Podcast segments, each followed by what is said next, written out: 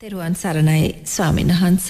භාවනාව වඩන යෝගියෙක් මේ ප්‍රශ්නය අපට යොමු කරන්නේ ගෞරවනීය ස්වාමීන් වහන්ස. සතර සතිපට්ඨානය වඩන කෙනෙක් අනිවාර්යෙන්ම මෛත්‍රී භාවනාව වැඩිය යුතුද කියන ගැටලුව තමයි ස්වාමීන් වහන්ස යොමු කරලා තිබෙන්නේ. ඉතින් ඉතාමත් ගෞරවයෙන් ඒ ප්‍රශ්නයට අදාළ ධර්මානුකුල පැහැදිලි කිරීම අපි බලාපොරොත්තු වෙනවා. අවසරයි ස්වාමීන් වහන්ස.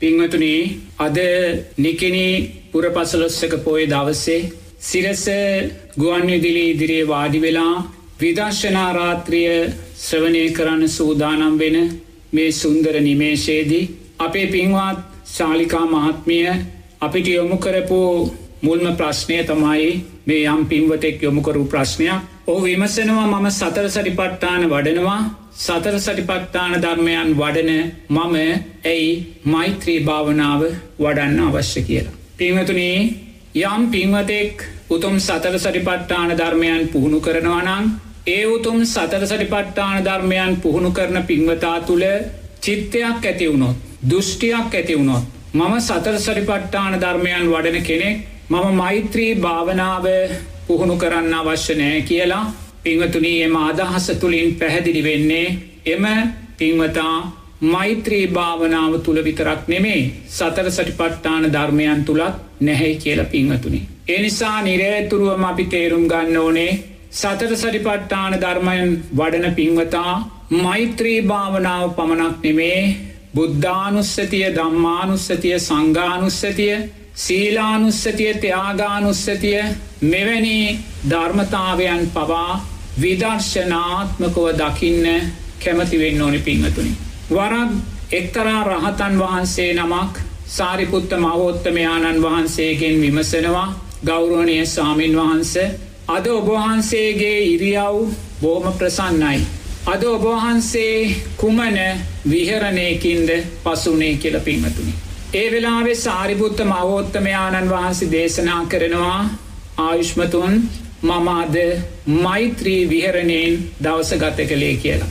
ඒක යන පිංහතුනේ සාරිපුත්ත මහෝත්තමයාණන් වහන්සේ දා දවස ගත කළේ විදර්ශනාමය මෛත්‍රී ධර්මයන් ජීවිතය තුළ දරාගෙන පිංහතුනින්. ඒ නිසා භාවනා කිරීමේදී අපි තුළ මාන්‍යය නෙමේ වැඩෙන්න ඕනේ අපි තුළ භාවනාව කරේ සක්කායි දිට්ටිය නෙමේ මමත්වේ දැඩිභාවය නෙමේ වැඩෙන්න ඕනේ භාවනාව කිරීමේදී අපි තුළ නිරේතුරුවම තව තවත් තව තවත් නිහතමානී භාවයමයි වැඩෙන්න්න ඕන පිංහතුනි. ඒ නිසා ඔබ දක්ෂවෙන්න මෛත්‍රී භාවනාව තුළින් සතර සටිපට්ටානය මතු කරගන්න.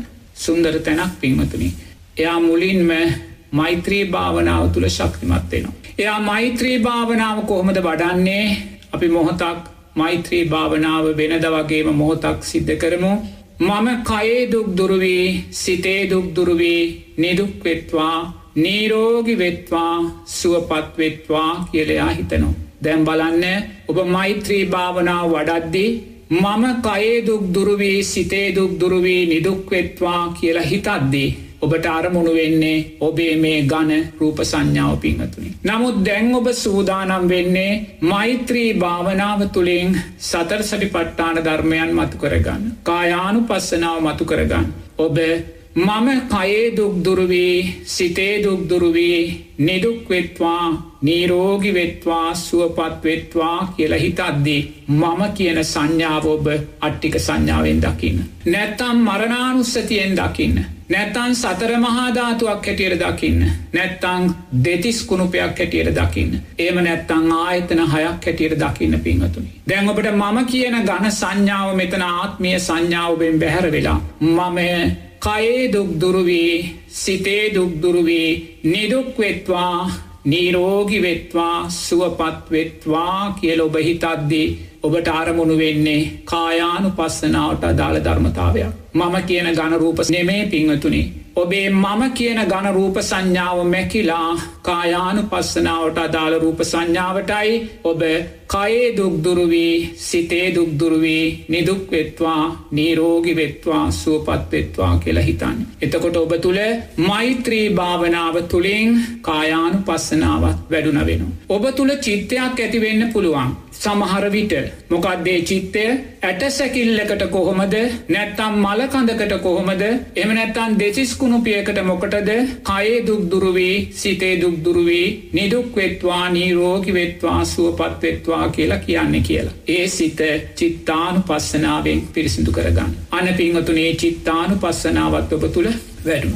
ඒ වගේ මේ සිත ඔබ දම්මානු පස්සනාවෙන් පිරිසිදු කරගන්න. අනිත්‍ය වූ පස්සේ හේතුවෙන් සකස් වුනා වූ අනිත්‍ය වූ විඳීමක්. එතකොට ඔබ තුළ යම් සැපදුක් උපේක්ෂා විඳීමක් ඇති වුණානං ඒක වේදනානු පස්සනාවෙන් අයින් කරගන්න. එතවට ප්‍රශ්නයක් මතු වෙන්නේ නැහැ. එනිසා යම් පින්වතෙකුට මම සතර සටිපට්ටාන ධර්මයන් වඩනවා නමුත් මම මෛත්‍රිය වඩන්න අවශ්‍ය නෑ කියන තැනදිම පිංහතුනේ ඒ පින්වතා තුළින් මතු වෙන්නේ ඒ පින්වතා චිත්තානු පස්සනාව තුළ නැහැ කියලා. ඒ පින්වතා දක්ෂ වනේ නෑ ඒ සකස් වනාව මම මෛත්‍රිය වැඩිය යුතු නෑ කියන සිතුවිල්ල චිත්තානු පස්සනාවෙන් අනිත්‍ය වශයෙන් දකින්න. අන්නේ වගේ ඔබ මම කයදුක් දුරුවී සිතේදුක් දුරුවී නිදුක්වෙත්වා නීරෝකිවෙත්වා සුවපත්වෙත්වා කියල ඔබට මෙත් වඩද්දී ඔබ දැන් අරමුණු කරන්නේ අට්ටික සංඥාවක් මරණානුස්සතියක් දෙතිස්කුණුපයක් සතර මහා ධාතුවක්.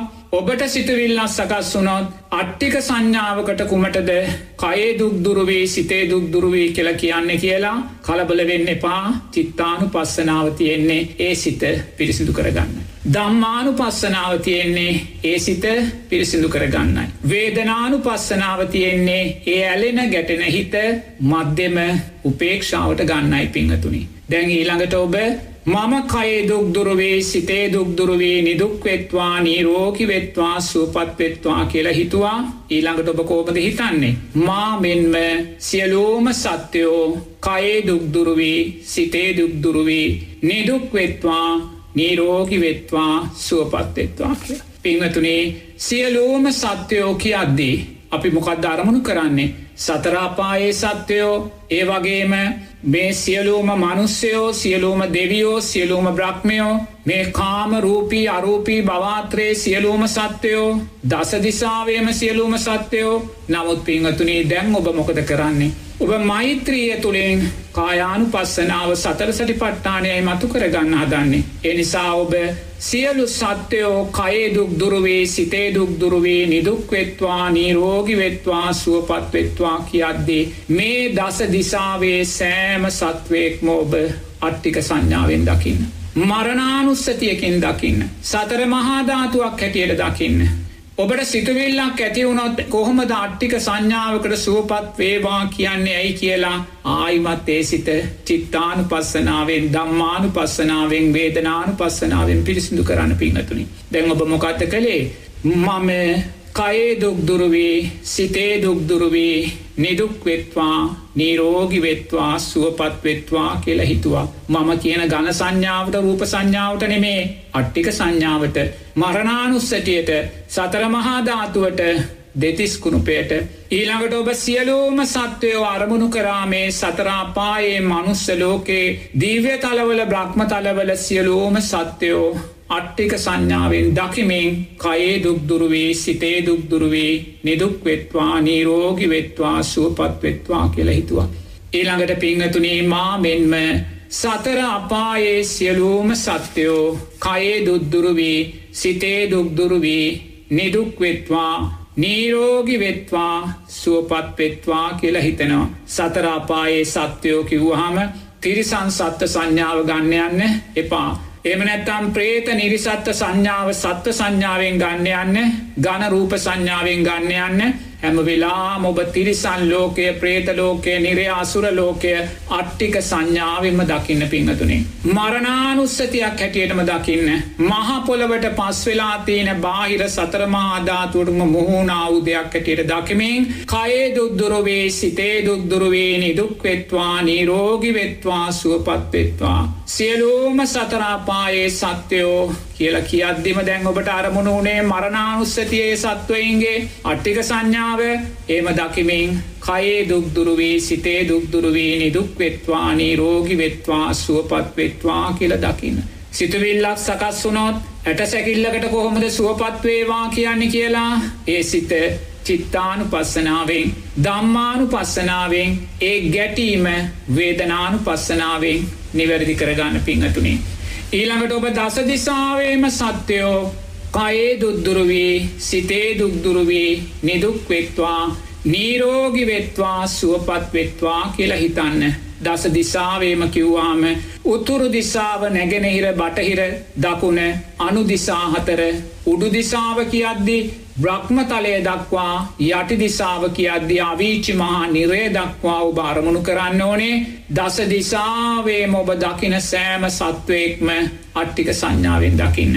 මරණානුස්සතියකින් දකින්න එහෙම නැත්තම් මේ සියලූම සත්වයින්ගේ අධ්‍යාත්මික රූපයන් බාහිර සතර මහා ධාතුවට මුහු කරලා පස් ගොඩක් හැටියට මුළු දසදිසාවම දකින්න පිංහතුනේ ඔබ දසදිසාවටම මෙස්සිත පැතුරවීම තුළින් සතර සටිපට්ටාන ධර්මයන් මතු කර ගත්ත වෙනවා. එනිසා නිරේතුරුවම ඔබ දක්ෂ වෙන්න තමාගේ මෛත්‍රී භාවනාව තුළින් සතර සටිපට්ටාන ධර්මයනුත් මතු කරගන්න පිංහතුනි. එහෙම නැතුව මම සතර සටිපට්ටාන ධර්මයන් වඩන භාවනාවේ ඉහල කෙනෙක් මම මෛත්‍රී භාවනාව වඩන්නේ පා කියලා අවශ්‍යනෑ කියල කියනවනං ඉං අදහස් වෙන්නේ වූ මෛත්‍රී භාවනාව තුළ විතරක් නෙමේ අවම වශයෙන් සතර සටිපට්ටාන ධර්මයන් තුළවත් නැහැ කියලා.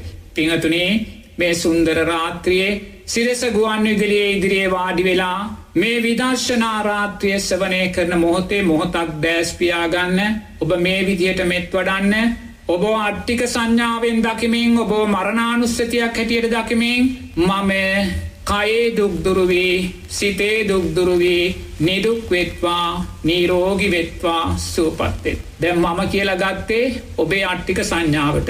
එම නැත්තං ඔබ මම කියලා ගත්තේ ඔබේ මලකට. එම නැත්තං ඔබ මම කියලා ගත්තේ ඔබේ සතරමහා ධාතුවට දෙතිස් කුණුපයට. ආයිමත් වඩන්න මම කයේ දුක්දුරුවී සිතේ දුක්දුරුවී නිදුක් වෙත්වා නීරෝගි වෙත්වා සුවපත්වෙත්වා. මා මෙන්ම සියලූම සත්‍යයෝ කයේ දුක්දුරුවී සිතේ දුක්දුරුවී නිදුක්වෙත්වා නීරෝගි වෙත්වා සුවපත්වෙත්වා. ඊළඟට ඔබ හිතන්න මා මෙන්ම සතරාපායේ සියලූම සත්‍යයෝ. කයේ දුක්දුරුවී සිතේ දුක්දුරුවී නිදුක්වෙත්වා නීරෝගි වෙත්වා සුවපත්වෙත්වා කියලා. දැන් ඔබ සතරාපායේ සත්වයෙන් කොහොම ධර්මුණු කළේ සියලූම තිරිසන් සත්‍යයෝ ඇට සැකිලි හැටියට ඔබ දැක්කේ. නැත්තම් මලකඳන් හැටියට ඔබ දැක්කේ. නැත්තැන් දෙතිස්කුණු පැහැටියට ඔබ දක්කේ. සියලූම දෙවියන් බ්‍රක්්මයින් ඒ වගේම සතරාපායේ සියලූම සතරාපා සත්වයින්නේ කියන තිරිසන් සතුන් ප්‍රේතයින් නිරිසතුන් අසුරයින් මේ සෑම සත්වයෙක්ම පිංහතුනේ ඔබ අට්ටික සංඥාවෙන් දැක්කේ. ඊළඟට ඔබ පිංහතුනේ මා මෙන්ම සියලූම දෙවියෝ කයේ දුක්දුරුවී සිතේ දුක්දුරුවී නිදුක්වෙත්වා නීරෝගි වෙත්වා සුවපත්වෙත්වා කියලා හිතුව. දෙවියෝ කිය අද්‍ය ඔබට කවුදරමුණුනේ සෑම දෙවි කෙනෙක්ගේ මාට්ටික සංඥාවයි ඔබට අරමුණේ. සක්‍ර දෙවියන්ගේ අට්ටික සංඥාව සුජම්පතියගේ අට්ටික සංඥාව සතරවරම් දෙවියන්ගේ අට්ටික සංඥාව කතරගම දෙවියන් වේවා සමන් දෙවියන් වේවා ඔබ අට්ටික සංඥාව අරමුණු කරගෙන සියලූම දෙවියෝ කයේ දුද්දුරුවී සිතේ දුද්දුරුවී නිදුක් වෙත්වා නීරෝගි වෙත්වා සුවපත් වෙත්වා කියලහිතන්න. මා මෙන්ම සියලූම බ්‍රක්්මයෝ කයේ දුක්දුරුවී සිතේ දුද්දුරුවී නිදුක්වෙත්වා නීරෝගි වෙත්වා සුවපත් වෙත්වා කියල දැන් හිතුව. එනිසා ඔබට නිකං හෝ පිංහතුනයේ බ්‍රහ්ම සංඥාව ඔබ ගන්න යන්න එපා. ඔබ ගන්නේ බ්‍රහ්ම රූපය අට්ටික සංඥාවේ. නැත්තම් මරණානුස්සතියෙන් නැත්තන් දෙතිස් කුණුපෙකින් නැත්තන් සතර මහා ධාතුවකින් පින්වතුනි. ඔබ තුළ විතර්ක සකස් වුණොත් අරූපී බ්‍රහ්මලෝකයේ බ්‍රහ්මයින්ට කොහෙන්ද රූපයක් වගේ මේ සෑම සිතවිල්ලක් මෝබ චිත්තානු පස්සනාවෙන් පිරිසිදු කරගන්න පින්වතුනි. ඔබ තුළ චිත්තයක් සකස් වුණොත් බ්‍රහ්මයා තුළ කොහොමද දෙතිස් කුණුපයක් තියෙන්නේ කියලා කරුණා කරලා ඒ සිතුවිලි චිත්තානු පස්සනාවෙන් පිරිසිදු කරගන්න. දම්මානු පස්සනාවෙන් පිරිසිදු කරගන්න. අපි කොහොමද අට්ටික සංඥාවකට සුවපත් වේවා කියල කියන්නේ ඒ සිතුවිලි චිත්තානු පස්සනාවෙන් පිරිසිදු කරගන්න. දම්මානු පස්සනාවෙන් ඒ ගැටෙන සිත් වේදනානු පස්සනාවෙන් පිරිසිදු කරගන්න. පිංහතුනී ඒම පිරිසිදු කරගෙන ඔබේ මෛත්‍රී සංඥාව පුහුණු කරද්දී පිංහතුනේ මෛත්‍රී භාවනාව තුළින් සතර සටිපට්ටාන ධර්මයන්ම වැඩෙනවා. එදා සාරිපුත්ත මහෝත්තමයාණන් වහන්සේ තමන්ගේ සහෝදර සාමීන් වහන්සේට දේශනා කරන්න මමාද මෛත්‍රී විහරණයෙන් ගත කලාය කියල පිංහතුනේ මෙන්න මේ සුන්දර මෛත්‍රියයි. එනිසා ඔබ දක්ෂ වෙන්න. මේ සුන්දර චතුරාර් සත්‍ය ධර්මයන් ජීවමානෝ තිබෙන මොහොතේ මේ උතුම් සතර සරිපට්ටාන ධර්මයන් ජියෝමානෝ තිබෙන මොහොතේ මේ මොහොතේ තුතුම් සෝවාන් සකුරුදාගානි අනාගාමී අරිහත් උතුම් පලයන් සාක්ෂාත් කරගන්න අපිට පින වාසනාව කුසල් ධර්මයන් තියෙන මේ මොහොතේ පිංවතුනී ඔබත් මොහොතක් ඒ අතීතයේ ආර්යන් වහන්සේලා පුහුණු කලා වූ ඒ සුන්දර ආර්ය මෛත්‍රිය ජීවිතයට එකතු කරගන්න මේ ආකාරයෙන් මෛත්‍රී භාවනාව පුහුණු කරන්න. ඒම පුහුණු කරද්දි පින්වතුනේ ඔබට කොතනකදිවත් චිත්තයක් සකස් වෙන්නේ නැහැ. මම සතර සටිපට්ටාන ධර්මයන් වඩන බොහොම පුහුණු මට්ටමේ ඉන්න භාවනාකරුවෙක් මට මෛත්‍රිය වැනි ප්‍රාථමික භාවනාවක් අවශ්‍ය වෙන්නේ නෑ කියන මිත්‍යා මත මිත්‍යා දෘෂ්ටීන් පිංහතුනේ අපේ සිත කවදක්වත් ආක්‍රමණය කරන්නේ නැහැ. අපේ ස්වාමීන් වහන්ස තවත් ප්‍රශ්නයක් යොමු කරලා තියෙනවා. ඔහු විවිධාකාරයෙන් සිත සමාධිමත් කරගන්නට උත්සාහ කරන කෙනෙක්, විවිධ භාවනා ක්‍රම අත්අදා බලන කෙනෙක්. ඒ කුමන භාවනාමය ක්‍රමයක් අත්අදා බැලුවත් ඔහු විශාල වශයෙන් ප්‍රශ්නයකට මුහුණ දෙනවා. ඒ තමයි කාන්තාරූප මැවී පෙනීම මේ භාවනාවන් සිද්ධ කරන අවස්ථාවේදී, වඩන අවස්ථාවේදී. මේ සඳහා කළ යුතු දේ තමයි එතුමා ඔබ වහන්සේකෙන් විමසන්නේ. අවසරයි ස්වාමීන් වහන්ස. මංහිතනවා මේ ප්‍රශ්නයේ භාවනා කරන හුඟක් තරුණ මධ්‍යම වයස්සොලයිට තියෙන ප්‍රශ්නයක්. ඒගොල බොහෝම වමනාවෙන් බොහෝම කැමැත්තෙන් මම මොහොතක් හෝ සිත සමාධිමත් කරගන්නවායි කියන අරමුණෙන් භාවනාවට වාඩි වෙනවා. භාවනාට වාඩි වෙලා තමන්ගේ කමටහනට අදාළව තමන්ගේ ගන්නා වූ භාවනා නිමිත්තට අදාළව තමන් භාවනාව කරගෙන අධි පිංහතුනේ බොහෝම සියුම්ම හිත සමාධිමත් භාවයට පත්වෙනකොට හිත නිශ්්‍යල භාවයට පත්වෙනකොට එක පාට පිංහතුනේ කාන්තාරූප මතු කරලා පෙන්න්නනවා. තමන් දන්න කාන්තාරූප එහෙමනැත්තන් නොදන්නා කාන්තාරූප මේ කුමක්කෝ කාන්තාරූපයන් මතු කරලා අපිට මනසින් මතු කල්ල දෙනු. දුන්නට පස්සේ අපේ හිත ඒ කාන්තාරූපය නිසාම අපි විසිරෝ ගන්න. නැත්තං ගැටෙන සිතක් ඇති කරගන්න එම නැත්තං ඇලෙන සිතක් ඇති කරගන්න. එනිසා පිංහතුනේ යම් පින්වතෙක් භාවනා කරද්දි කුමන භාවනාවක් වේවා සිත සමාධිමත් ගතවීගෙන එනකොට ඔබට කාන්තාරූපයන් මතු වෙලා පේනවනම් පිංහතුනේ ඉං අදහස් වෙන්නේ ඔබ රාග චරිතයක් වෙන්න පුළුවන්. ඔබ රාගයට කැමති ස්ත්‍රීත්වයට කැමති එම නැත්තම් පුරුෂ පක්ෂයට කැමති රූපේ ආස්වාදය කාමේ ආස්වාදය ජීවිතය තුළ වැඩියෙන් තියෙන කෙනෙක් වෙන්න පුළුවන් පිංහතුනි.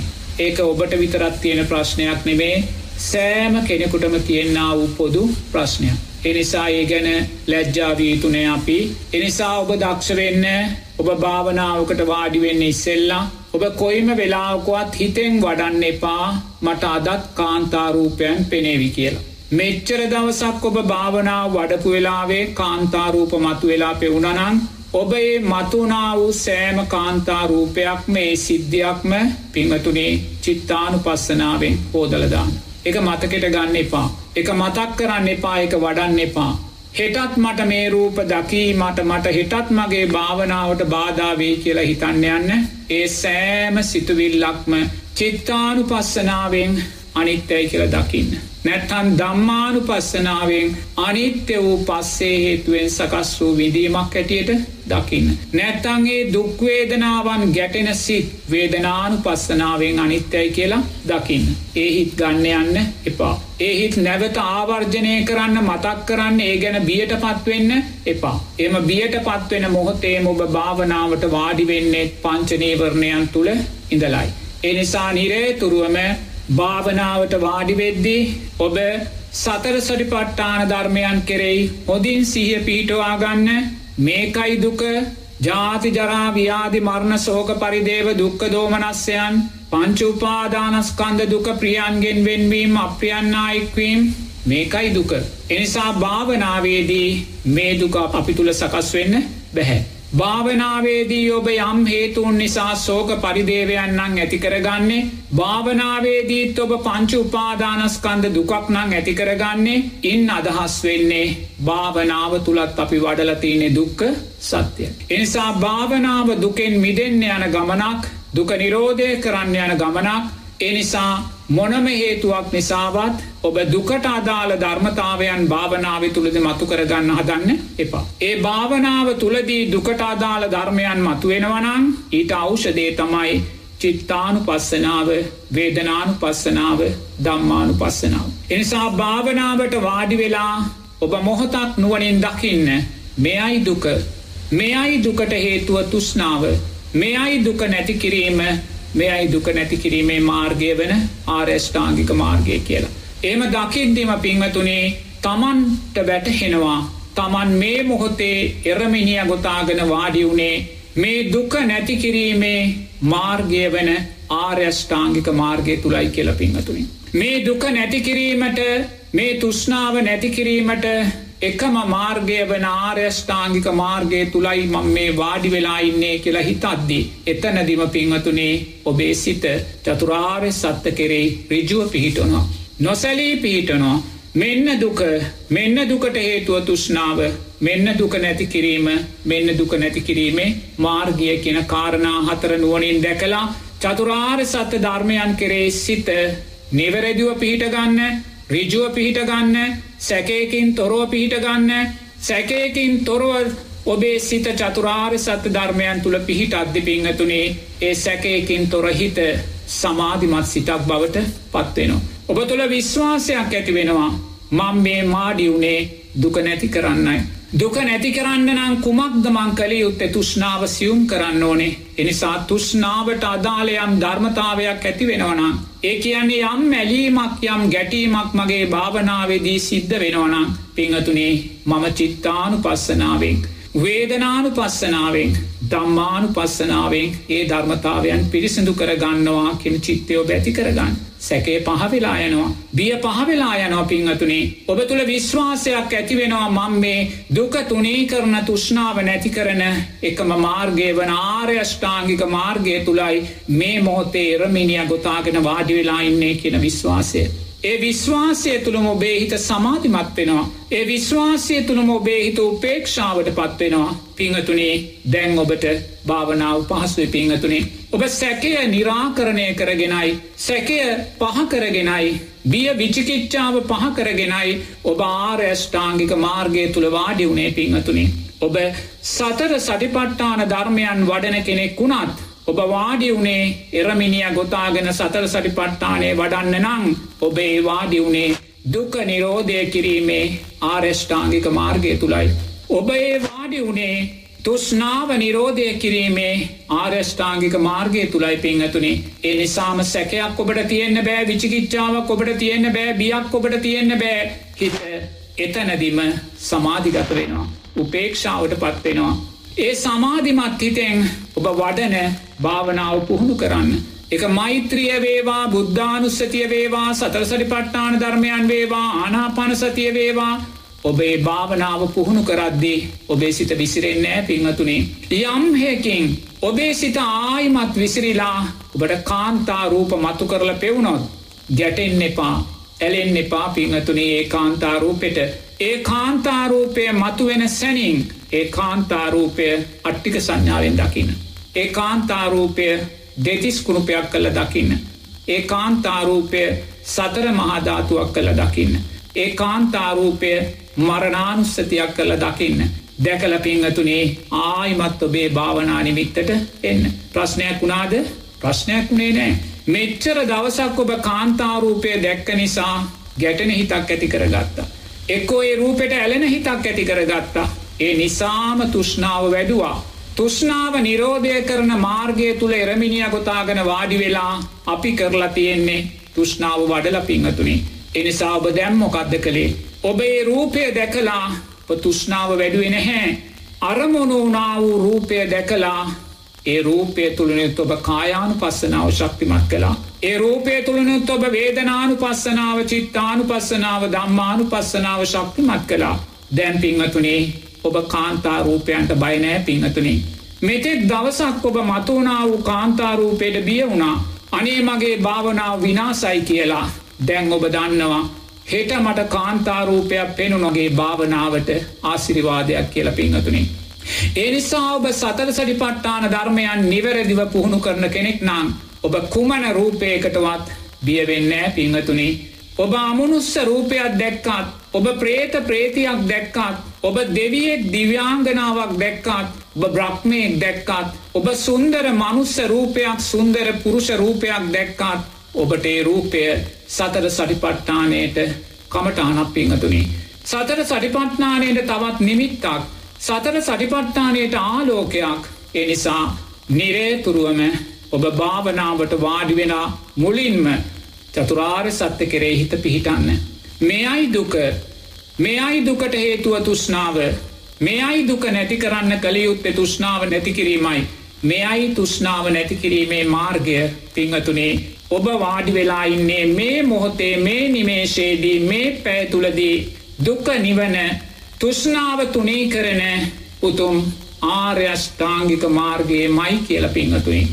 එහෙම සිතන වෙලාවෙම සැකේ විචිකිච්චාව පහවයනවා පිංහතුනේ බිය පහව යනවා ඔබ තුළ අයෝමය විශ්වාසයක් ඇතිවෙනවා දෙයනේ මං වාඩි වෙලායින චතුරාර් සත්ත ධර්මයන් තුළයි කියලා. ඔබ තුළ විශ්වාසයක් ඇතිවෙනව මං මේ වාඩි වෙලා තියෙන්නේ උතුම් දුක නිවීමේ ආර්යෂ්ඨාංගික මාර්ගයයි තුළයි කියලා. ඒ මොහොතේම පිංහතුනේ ඔබ ඒ සිත චතුරාර්ය සත්‍ය කෙරේ රිජුව බැසගන්නවා තව තව රිජුව බැසගන්නවා ඒ චතුරාර්ය සත්‍ය ධර්මයන් කෙරේ රිජුව බැසගන්නා වූ සිත පිංහතුනේ සමාධිමත් භාවයට පත්වෙනවා මේ මොහොතේ ඔබේ සිත දෙස බලන්න. ඔබ මේ ධර්මතාවයන් නිවැරදිව ජීවිතයට එකතු කර ගත්තනං ඔබ දෑස් දෙක පියාගෙන මොහොතක් දකින්න මම මේ එරමිනිිය ගොතාගෙන වාඩි වෙලා ඉන්නේ. මම මේ ආසනයක මම මේ මහපොළොවේ පැදුර මත වාඩි වෙලා ඉන්නේ. දුක නිවීමේ තුෂ්නාව තුනේ කිරීමේ ආර්යෂ්ඨාංගික මාර්ගයයි තුළයි කියන තැනදිම පිංහතුනේ මාර්ගය කරේ සැක විචිකිච්චා ඔබෙන් පහව යනවා. ඒ සිතේ මොහොතේ මුතුම් සමාධියයට පත්වෙනවා පිංහතුනේ ඒ සුන්දර සමාධිය ඇති කරගත්තට පස්සේ ඔබේ සිත අයාලේ යන්නේ නෑමකොද ඔබ තුළ වැඩෙන්නේ සති සම්බෝජ්ජන්ගය සති සම්බෝජ්ජන්ගේ කවදක්වත් ඔබ අයාලේ අරින්නේ නෑ පිංහතුනේ ධර්ම මාර්ගය තුළ ඔබ නිවැරදිව නිරෝධය උදෙසාම ඔබ අරං යනවා. සත්තිස් බෝධි පාක්ෂික ධර්මයන් හිස මත තබාගෙන සප්ත බොජ්ජංගයෝ විසින් ඔබ නිවන දක්වා මරගෙන යනවා පින්වතුනි. එනිසා මොනම හේතුවක් නිසාවත් භාවනා කරද්දී කුමන රූප දැක්කත් පිංහතුනේ බයවෙන්න එපා. හිත විස්රවා ගන්න එපා. ඒ දකින රූපය ඔබේ සතර සටිපට්ටාන ධර්මයන්ට කමටහනක් කරගන්න සතර සටිපට්ටාන ධර්මයන්ට ආලෝකයක් කරගන්න සතර සටිපට්ටාන ධර්මයන්ට තවත් නිමිත්තක් බවට පත් කරගන්න ඒම කරද්දි පිංහතුනේ ඔබට කවදාක්වත් භාවනාවේදී අරමුණු වෙන රූප ගැටලුවක් බවට පත්වෙන්නේ නැහැ. ස්වාමින් වහන්ස කාන්තාවක් මේ ප්‍රශ්නය යොමු කරලා තියෙන්නේ ඇයි විමස්සනවා ගෙදර දොරේ එදිනදා වැඩ කටයුතු වල නිරත වෙන ගමන් වඩන්නට පුළුවන් භාවනාවක් පිළිබඳව. අවසරයි ස්වාමින් වහන්ස. පිහතුනේ ගෙදර වැඩ කටයුතු කරද්දී. ගෙදර වැඩ කටයුතු කියන්නේ අතුගානවා රෙදිසෝදනවා උයනවා පිහෙනවා ඒ කටයුතුන නේද. තින් ගෙදර වැඩ කටයුතු කරන ගමන් භාවනාවක් කරන්න නම් බැහැ ඒක තේරුම් ගන්න. මොකද එක කටයුත්තක් කරන ගමන් තව කටයුත්තකට සිතියොමු කරන්න ගියොත් ඒ කටයුතු දෙකම සිද්ධ වෙන්නේ නැහැ. එනිසා ඔබ හැම වෙලාම ගෙදර වැඩ කටයුතු කරන ගමන් එකන අපේ කාන්තා පක්ෂය නිරතුරුම උදේවරුව ගෙදර තනියම ඉන්න මොහොතා. දරුව පාසල් ඇරලා මාත්‍යයා රාජකාරියට ගිහිල්ලා ගෙවල්ලොල ඉන්න මොහොතක නිරේතුරුවම ඔබ ගෙදර කරන්න වූ සෑම කටයුත්තක්ම සතියෙන් සිහියෙන් යුතුව සිද්ධ කරන්න. ඉරියාපත භාවනාව කියල බුදුරජන් වහන්සේ දේශනා කරනු. අපි කරන්න වූ ඉරියව් දෙස හොඳින් සතිය සිය පිහිටවගෙන ඒ කටයුත්ත කරන්න. දැන් ඇඳුම් හෝදනකොට ඒ හැඳුම් හෝදනවා කියලා දකිමින් ඒදේ සිද්ධ කරන්න. එතොට ආහාර පිසිනකොට ඒ ආහාර උයනකොට කපනකොට ඒ තේවල් කරනකොට ඒ තමන් කරන්න වූ ක්‍රියාව නුවනින් දකිමින් ඒ තුළ සිත රජුව පිහිටවා ගනිමින් ඒදේ කරන්න. රිත විසිරෙන්න දෙන්න එපා. කොස්සෙන් අතුගාන ගමන් ඔබේ හිත තියෙන්නේ පිටරට ඉන්න පුතා කෙරෙහිනම් ඔබේ සතිය සයේ මෝත පිහිටලා නැහැ. හිත විස්්‍රීලා තියෙන්. විසුරුණා වූ සිත නිරේතුරුවම තවතව විසිරණ ස්භාවයටමයි පත් කරන්න. එනිසා ඔබ භාවනා කරන කෙනෙක් වුණත් ගෙදරදොරේ වැඩ කටයුතු සිද්ධ කරද්දී හැම වෙලාම ඒ කරන කටයුත්ත කෙරෙයි හොඳින් සතිය සිහ පිහිටවාගනය කටයුත්ත කරන්න. ඔබ හොඳින් සතිය සීය පීටවාගනය කටයුත්ත කරද්දී. නිරේතුරුවම ඔබේ සිතේ විසිරීමේ ස්භාවය අඩුවෙනවා. සිත දුවන ස්භාවය අඩුවෙන්. දැන් සමහර වෙලාවට අපේ පින්වතුල්ලා එක කටයුත්තක් කරනකොට තව කටයුත්තක් ගැන හිතමින් තමයි කරන්න. ආහාර ගන්න ගමන් ගොඩාක් දේවල් කතා කරන. ගොඩාක් දේවල් හිතනෝ. ඒ අවසානයේදී ඒ ආහාරය පිළිබඳ තියෙන්න්න වුස් සිහියත් බැහැරවෙනවා අර හිතන දේ පිළිබඳ සිහියත් පැහැරවෙන. ආහාර ටික අනුභව කරලා ඉවරුණාට පස්සෙ තමයි අපි දකින්න දෙයනේ කෑම කාලිවරයින්. මට මේ කිසිම කෑමක රසයක් දැනුනේ නෑමොකදේ ආහාරය කරේ සතිය සිහ පීටවා ගත්තේ නැහැ. අවසානය බඩ පිරිලත් නැහැ.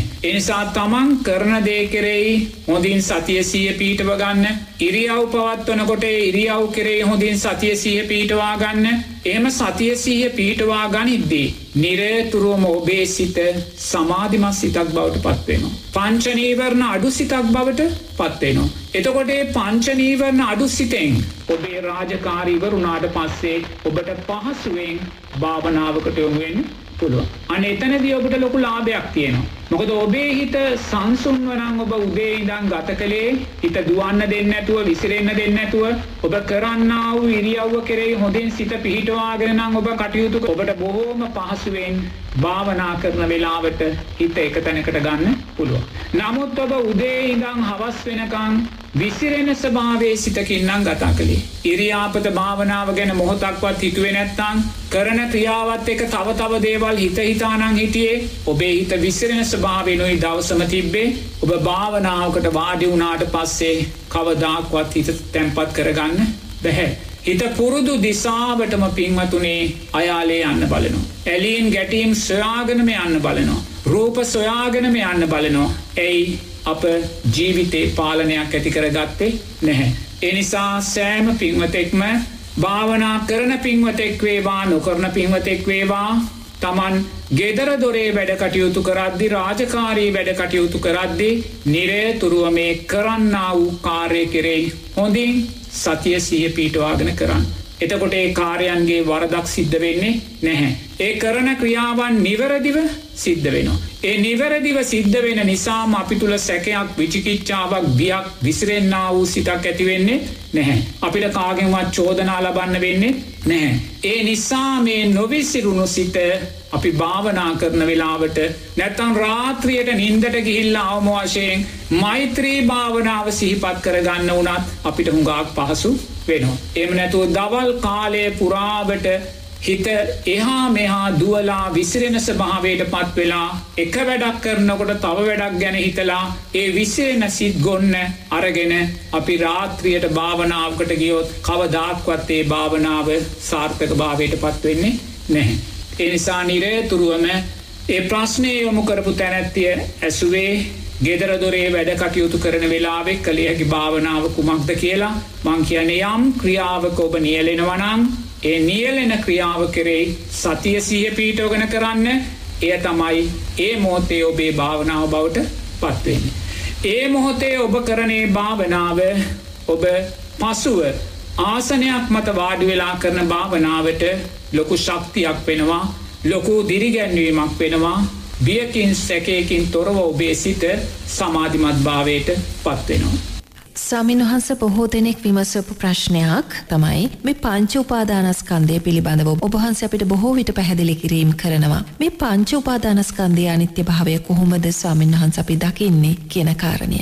පිංහතුනේ පංචුපාදානස්කන්ද ධර්මය බුදුරජාණන් වහන්සේ දේශනා කරනවා අපි මේ සද්ධානුසාරී ධම්මානුසාරී තැන් දෙකෙන් එකක පසු වෙලා අපි කවදාහරි දවසක උතුම් සෝවාන් පලය සාක්ෂාත් කරගන්න උත්සාහ ගන්නවනං අපි මුලින්ම දකින්න ඕන පින්වතුනේ පංචුපාදානස්කන්දය අනිත්‍ය භාවය. ඊළඟට බුදුරජාණන් වහන්සේ දේශනා කරනවා අපි පංච උපාදානස්කන්ද ධර්මයන්ගේ අනිත්‍ය භාවය නුවනින් දැකලා උතුම් සෝවාන් පලට පත් වනාට පස්සේ. අපි සකුරුදාගාමී පලයට පත්වෙන්න නම් කරියුත්තෙත් ඒ පංච උපාදානස්කන්දේ අනිත්‍ය භාවයම නුවනින් දැකීමයි කියල්. ඊළඟට අපි සකුරුදාගාමී පලයට පත්වෙලා අපි අනාගාමී පලට පත්වෙන්න අවශ්‍යනන් අපි කළ යුත්තේ ඒ අපි අනිත්‍යයි කියල දැක්කා වූ පංච උපාදානස්කන්ද ධර්මයෝ නැවත නැවත අනිත්‍ය වශයෙන් දැකීම කියලා. අපි යම් මොහොතක උතුම් අනාගාමී පලයට පත්වනොත් අපි උතුම් රහත් පලය දක්වා කළ යුත්තේ ඒ අනිත්‍යයි කියල දැක්කා වූ පංච උපාදානස්කන්ද ධර්මයෝ නැවත නැවත අනිත්‍ය වශයෙන් දැකීම කියලා. එනිසා පින්වතුනේ සද්ධාන්සාරී දම්මානුසාරී කියන තැන් දෙකේ කොතැනකෝ ඉන්න අපි අපේ ජීවිතවලට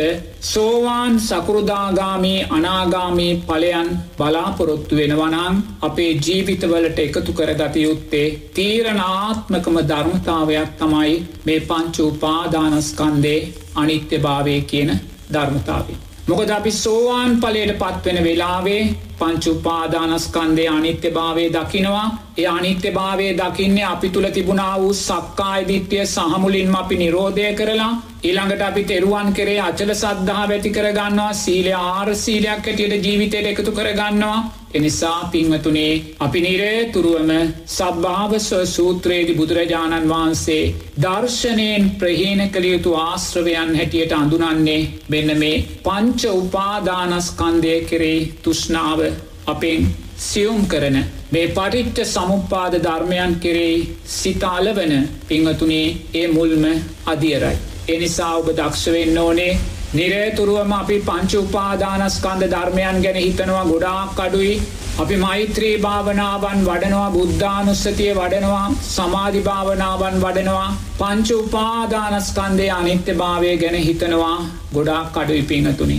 එනිසා පංච උපාදානස්කන්දය කියල බුදුරජාණන් වහන්සේ දේශනා කරන්නේ රූප වේදනා සංඥා සංකාර විඤ්ඥාන කියන කාරණා පහයි. මේ කාරණා පහ පස්ස වේදනා සංඥා සංකාර විඤ්ඥාන හැටියටත් ගන්න පුළුවන් මොකද අධ්‍යාත්මික රූපයයි බාහිර රූපයයි විඤ්ඥානයයි එකතුවීම තුළ මුහුවීම තුළයි පස්සේ සකස් වෙන්නේ. එනිසා රූපවේදනා සංඥා සංකාර විඤ්ඥාන කියල ගත්තත් පස්සවේදනා සංඥා සංකාර කියල ගත්තත් පස්සවේදනා සංඥා සංකාර විඤ්ඥාන කියල ගත්තත් පස්සවේදනා සංඥා චේතනා මනසිකාර කියල ගත්තත් මේ සෑම ධර්මතාවයක් අපි හඳුන්වන්න පිංහතුනේ පංචුපාදානස්කන්දය කියන ධර්මයයි. එනිසා නිරේතුරුව ඔබ දක්ෂ වෙන්න මේ රූපය ඇසුරෙන් අපි නිරේතුරුවම සකස් කරගන්නා වූ පස්ස වේදනා සංඥා සංකාර විඤ්ඥාණයන්ගේ අනිත්‍ය භාවය දකින්න.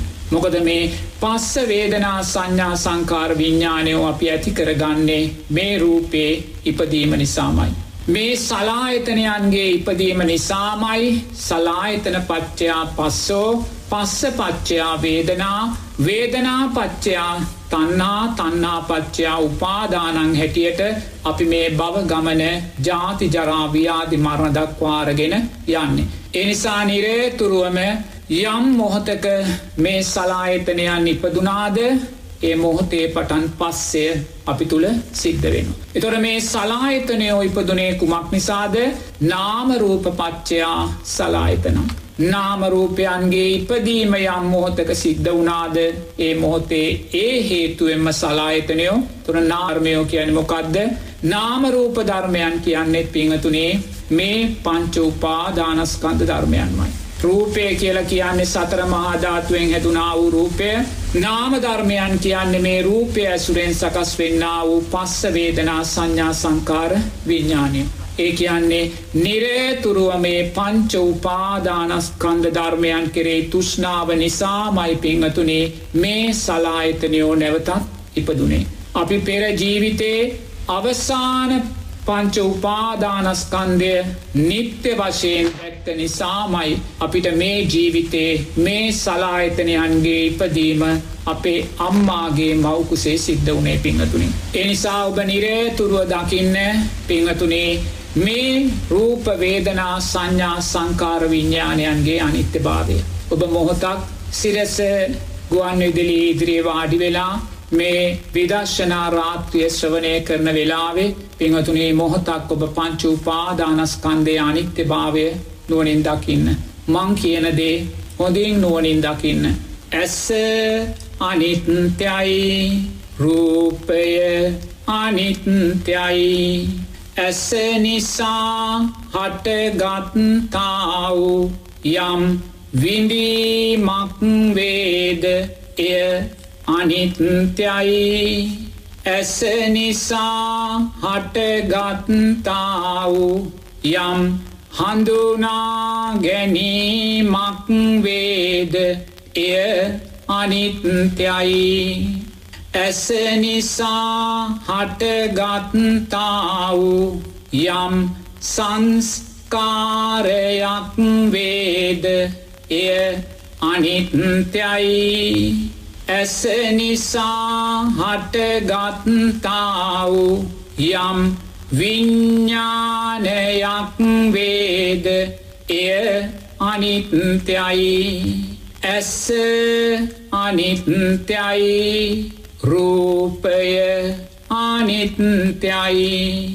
ඇසත් රූපයත් විඤ්ඥානයත් පස්සයෙන් හටගන්නාව පංච උපාදානස්කන්දය අනිත්‍යයි. කන අනිත්‍යයි. ශබ්දය අනිත්‍යයි. කන නිසා හටගත්තාව යම් විඳීමක් වේද එය අනිත්‍යයි. කන නිසා හටගත්තාව යම් හඳුනා ගැනීමක් වේද? එය අනිත්‍යයි. කන නිසා හටගත්තාව යම් සංස්කාරයක් වේද? එය අනිත්‍යයි. කන නිසා හටගත්තාව යම් විඤ්ඥානයක් වේද? එය අනිත්‍යයි. කන අනිත්‍යයි. ශබ්දය අනිත්‍යයි. කනත් ශබ්දයත් විඤ්ඥානයත් පස්සයෙන් හටගන්නාව පංච උපාධානස් කන්දය අනිත්‍යයි නාසය අනිත්‍යයි ගන්ධස්වන්ද අනිත්‍යයි. නාසය නිසා හටගත්තාව යම් විඳීමක් වේද? එය අනිත්‍යයි. නාසය නිසා හටගත්තාව. යම් හඳුනා ගැනීමක් වේද? එය අනිත්‍යයි. නාසය නිසා හටගත්තාව. යම් සංස්කාරයක් වේද? එය අනිත්‍යයි නාසය නිසා හටගත්තාව යම් විඤ්ඥානයක් වේද? එය අනිත්‍යයි. නාසය අනිත්‍යයි. ගන්ධස්වන්ද අනිත්‍යයි.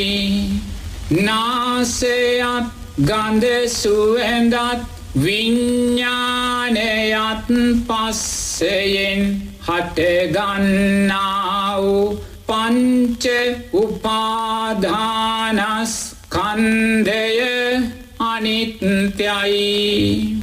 දිව අනිත්‍යයි.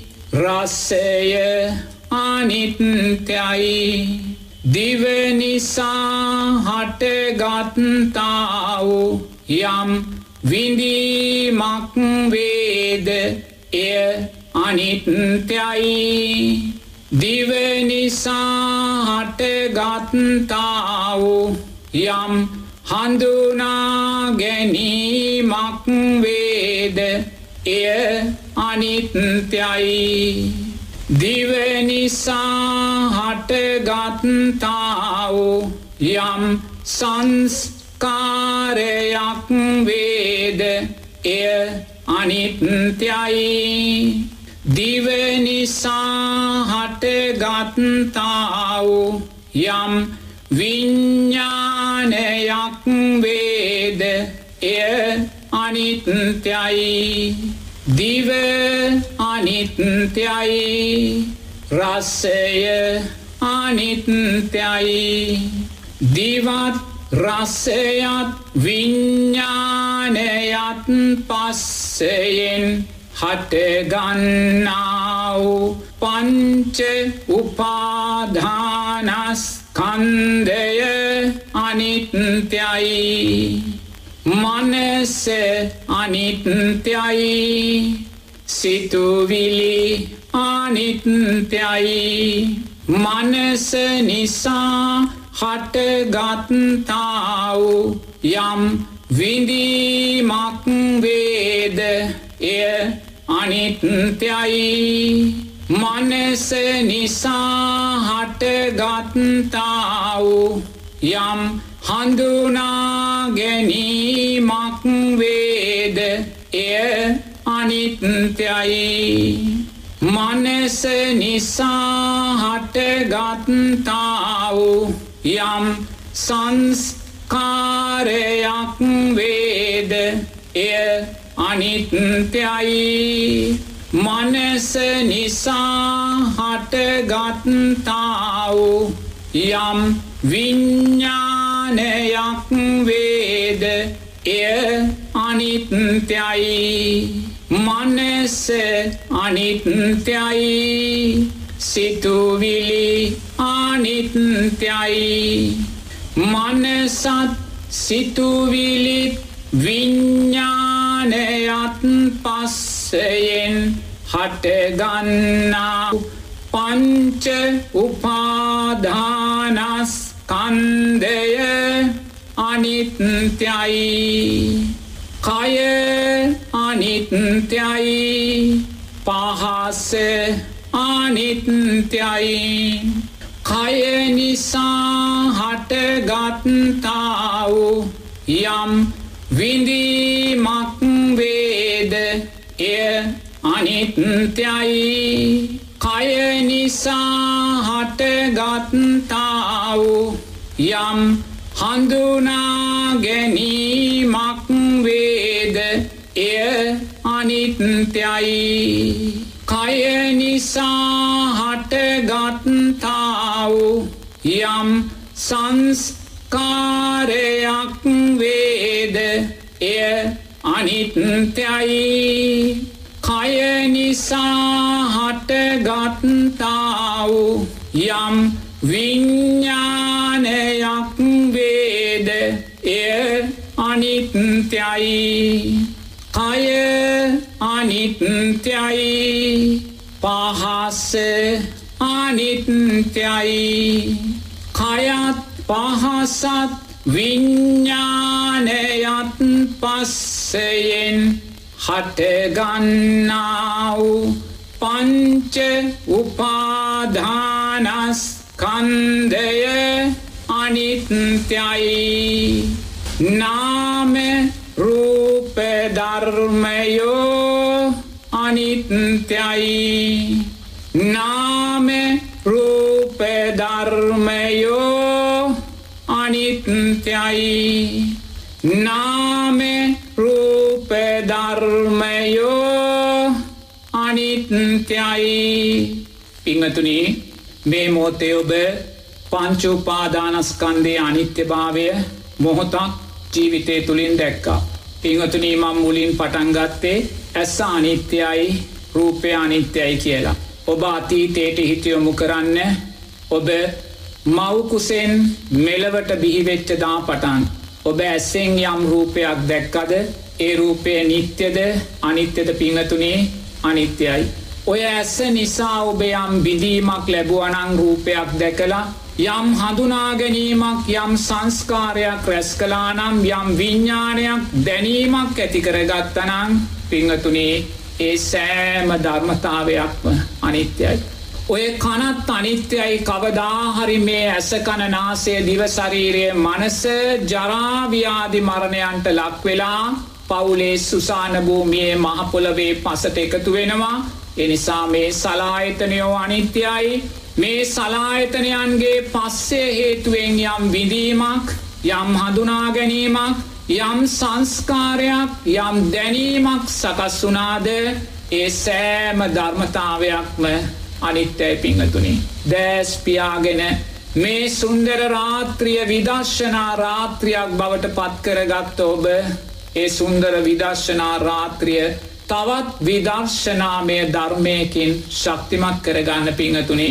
දෑස්පියාගෙන ඔය සලායතනයන් මේ ජීවිතේ පටිත්ත සමුපන්නව ඉපදුන මොහොත දක්වා ඔය සලායතනයන් හේතුවෙන් සකස් වනා වූ සෑම පස්ස වේදනා සංඥා සංකාර විඤ්ඥානයක්ම අනිත්‍යයි කියල දකින තැන පිංහතුනේ අපිට අල්ලන්න අපිට එල්ලෙන්න අපිට බැසගන්න අපිට මගේ කියලගන්න අපිට මමේ කියලගන්න තැනක් ඉතුරු වෙන්නේ නෑ පිංහතුනේ මේ ඇසත් කවදාහරි දවසක මහපොළොවට පස්වෙනව නාසය දිව ශරීරය කවදාහරි දවසක මහපොළොවට පස්වෙනවනන් මේවා හේතුවෙන් අපි සකස් කරගත්තා වූ පස්ස වේදනා සංඥා සංකාර විඤ්ඥානයෝ සියල්ලම පිංවතුනේ අනිත්‍ය වී යන ධර්මතාවයන් නං මමය මගේ කියලා සක්කාය දිට්ටියෙන් මමත්වේ දැඩිභාවයෙන් අල්ලගන්න දෙයක් මේ පංච උපාදානස්කන්ද ලෝකේ නැහැයි කියන ධර්මතාවය ඔබ මේ සුන්දර විදර්ශනා රාත්‍රියයේදී නැවත නැවත නුවනින් දකින්න පිංහතුනින්. මේ උතුම් සද්ධර්මය ශ්‍රවණය කලා වූ සියලූම පිංවතුල්ලාට නිදුක් නීරෝගේ සුව පත්භාවය දීර්ගායුෂත් මේ ජීවිතයේදී මවුතුම් පංච උපාදානස්කන්ධ ධර්මයෝ දැකීම අවබෝධයටම මේ පින් උත්තම ශක්තියක් වේවා.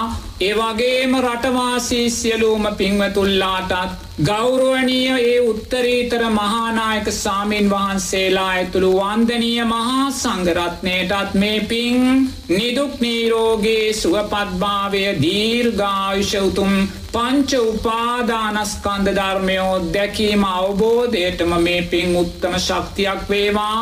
කල්්‍යාන මිත්‍රභාවයෙන් අපට උපකාරක ධර්මයන් සකස්කොට දුන් ඒ පින්වත් ශාලිකා මහත්මියට සාරධ මහත්මයාට ඒ වගේම සිරසගුවන් විදිලියේ ප්‍රධානයේ සජිත්‍රත්නායක මහත්මයාටත් මේ පින් නිදුක් නීරෝගේ සුවපත්භාවය දීර්ගායිශවතුම් පංච උපාදානස්කන්දයෝ දැකීම අවබෝධයටම හේතු වේවා. කාර්යමණ්ඩලේ සියලූම පින්වතුල්ලාටත් මේ පින් අයිතිවේවා දීර්ගායුෂ සැලසේවා. තෙරුවන් සරණයි.